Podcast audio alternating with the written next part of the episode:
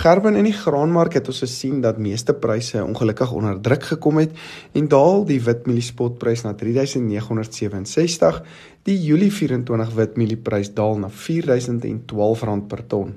Die geelmieliespotprys daal na 3750 met die Julie 24 prys afwaarts op R3896. Die sojaspotprys daal na R9085 met die Mei 24 prys laer op R8470. Die sonneblomspotprys daal na R8510 terwyl die Mei 24 prys daal na R8520 per ton.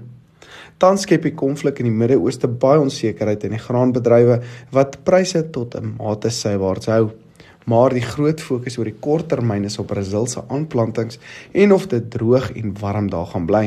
Dit lyk egter nie of dit hulle stop om aan te plant op die oomblik nie. Uitvoere uit Amerika word ook steeds belemmer deur die Mississippi riviervlakke wat baie laag is, terwyl die sterker rand oor die afgelope week pryse bietjie laat daal het. Amerika beweeg meer na verwerking en behoort oor die volgende paar jaar minder afhanklik te wees om rouprodukte uit te voer.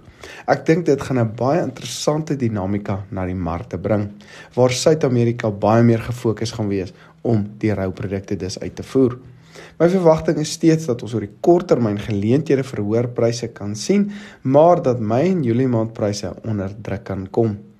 Koringspotprys daal na 6200 met die Desemberprys afwaarts op R6083. Laer invoerpariteitspryse as gevolg van die sterker rand het plaaslike pryse laat daal en kan die Desemberpryse nog verder daal as ons na seisonale tendense kyk.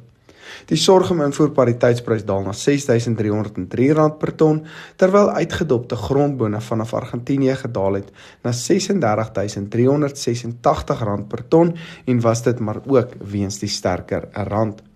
Hierdie inligting word moontlik gemaak deur John Deere wat tans 'n prima min 9% aanbieding op sekere van sy trekkermodelle aanbied. Verseker iets om nie mis te loop nie.